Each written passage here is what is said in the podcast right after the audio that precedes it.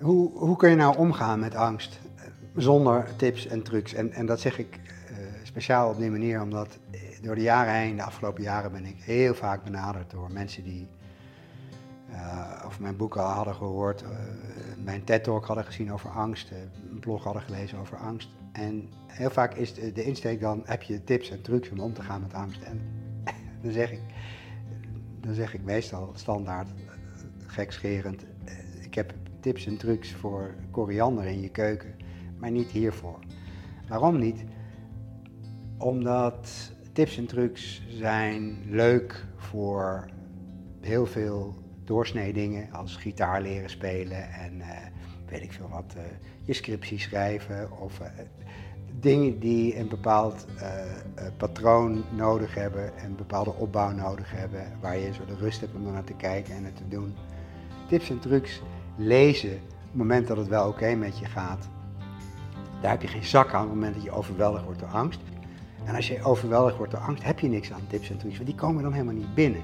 Tips en trucs zijn voer voor de intellectuele geest. Wat niet werkt in dit soort overweldigende fysieke en mentale omstandigheden en fenomenen is logica en feitjes. Dat heeft niets in te brengen tegen de, de, de klotsende kracht van een paniekaanval of de, of de, of de, de sluimerende zwaarte van, van je chronische stress. Dat soort dingen kun je echt alleen maar voor goed oplossen door heel diep in te zien waar het vandaan komt. Wat het is, de onschuld ervan, keer op keer op keer te ervaren.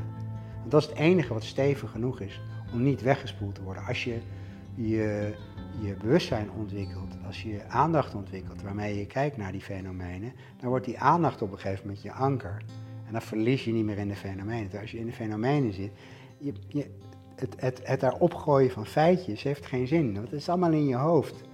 Wat je eigenlijk doet, als je je al heel erg niet op je gemak voelt, dus al een heel druk hoofd hebt, dus al heel veel denkt en, en dus al heel veel door je heen wervelt, ga je nog meer denken. Meer denken is niet handig als je je suf piekert, als je bang bent, als je je zorgen maakt, als je heel erg gestrest bent. Want denken verergert het. Want denken is de oorzaak. Wat echt, echt, echt helpt, is uh, een, een, een, moment waarop je realiseert: oh ja, oh, dat is waar. Want dat waar ik bang voor lijkt te zijn, dat vond ik vroeger heel leuk. Huh? Ja, dat kan natuurlijk helemaal niet door dat ding komen. Dat zijn de momenten waarop je een verschuiving van binnen, een, een, een begripsverschuiving, een gevoelsverschuiving kan hebben, die de situatie verandert kennis is leuk tot op zeker niveau. Iedereen, maar iedereen weet dat als iemand vervelend tegen je doet op social media, dat dat vooral over die persoon zelf gaat. Die waarschijnlijk in een kutbui, die kent jou helemaal niet, die heeft een inschatting van je gemaakt, totaal niet relevant. Dat snappen we allemaal. En we hebben er allemaal fucking veel last van. Als iemand, de meeste mensen, als iemand vervelend tegen je doet, ah, hak dat erin. er zijn zoveel uh, dingen in het leven waarin je kunt wijzen dat logica niks oplevert. Ga maar naar mensen die met oud en nieuw uh, besluiten dat ze gaan sporten, stoppen met roken, die de goede voornemens. Voelt allemaal hartstikke logisch. Je kan je hele plan klaar hebben. Fonkel nieuwe gymschoenen liggen klaar in de hal. Je hebt een app gedownload, want een app is echt uh, de manier om eigenlijk de helft al gedaan te hebben, gevoelsmatig. Die app staat klaar. Maar de eerste avond dat je zou gaan hardlopen, regent het en je komt thuis van je werk of je bent klaar met je werk thuis en uh, bent moe en dan heb je geen zin meer. Op dat moment, rationeel gezien, weet je dat je gewoon je schoenen moet aantrekken en naar buiten moet. Maar dat doe je niet. Waarom niet? Omdat er een, een dieper gevoel van weerstand is, wat veel sterker is dan je logica en de wens van oud en nieuw. Wij weten heel veel dingen. Wij weten dat uh, het geen zin heeft om ons zorgen te maken. Dat het echt geen zin heeft. Dat, dat, dat het niks oplevert. De meeste mensen weten dat. Maar toch doen we het. Dus er is een, een schemergebied. Er is een discrepantie tussen dingen weten, kunnen oplepelen, op kunnen schrijven en ze, en ze in de praktijk brengen. En ze uit kunnen voeren. Als we in de problemen komen. als we ons slecht voelen, als we gestrest zijn. Wat je helpt is inzicht. Wat je helpt is een diepe realisatie dat je oké bent. Wat je helpt is bijna de, de, de, de, de soort oenerige conclusie die je trekt dat je iets op een verkeerde manier hebt ingeschat en de opluchting die dat veroorzaakt. Toen ik me realiseerde dat ik af en toe angst had en, en, soms ook niet en dan heel veel en dan heel weinig. En ik me echt realiseerde dat dat steeds wisselde en soms weg was. Wist ik op dat moment dat ik dat niet kon zijn. Ik dacht dat ik de angst was. Ik dacht dat ik het bange persoon was. Ik dacht dat ik dat was. Maar ineens zag ik dat iets wat af en toe weg is, dat kun je niet zijn. Dat is een verschijnsel. Dat is heel wat anders dan dat het, dat het onderdeel is van wie je bent. En dat was zo'n ontluisterend, heldere constatering dat ik mezelf echt heel suf vond dat ik dat niet eerder had gezien.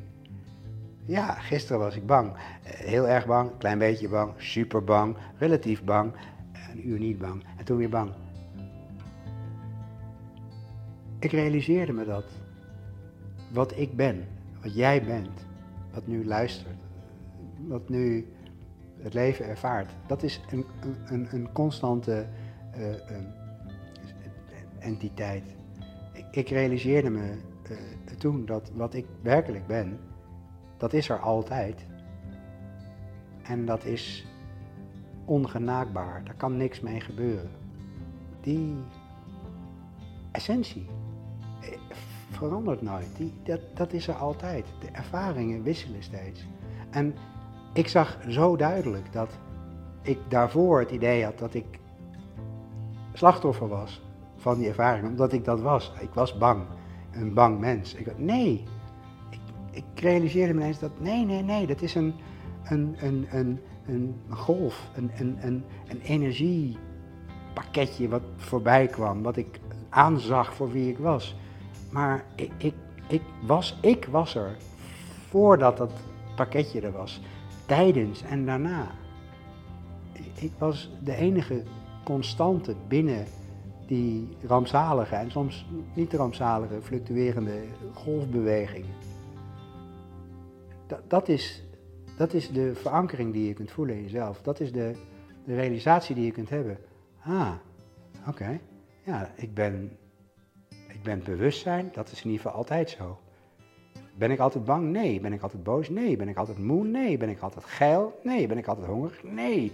Nee, al die dingen, ervaringen. Hoe weet je dat? Omdat je bewust bent, omdat je bewustzijn bent. Dat is het enige wat nooit weggaat. Dus dat is het enige wat je kunt zijn. En bewustzijn kan niet bang zijn. Bewustzijn kan geen stress hebben. Bewustzijn is bewustzijn. Bewustzijn is datgene wat leven geeft aan alles. Dat het leven mogelijk maakt. Dat is de essentie van, van, van wie ik ben en wie jij bent. En daar kan niks mee gebeuren. Dat kan je niet kwijtraken. Dat kan niet afgepakt worden door iemand anders. Bewustzijn is de essentie van wie we zijn, de basis van wie we zijn. Bewustzijn is de ruimte waarin onze ervaringen zich afspelen. En wat wij doen, we verliezen ons in de ervaringen. We vergeten dat we de ruimte zijn. Het is alsof je in een schouwburg bent. En dat je de schouwburg bent, het geheel. De zaal, de stoelen, het podium. Voor de schouwburg maakt het niet uit wie daar optreedt. Dat, kan alles zijn, van, van stand-up comedians tot, tot klassieke orkesten, tot, tot whatever. Alles kan daar zijn. En, en, en het, het komt en het gaat en de schouwburg blijft de schouwburg. Dat is, dat is wat wij in essentie zijn. En die conclusie is zo ongelooflijk krachtig. Want het maakt je veel vrijer en groter en dieper dan je altijd dacht te zijn.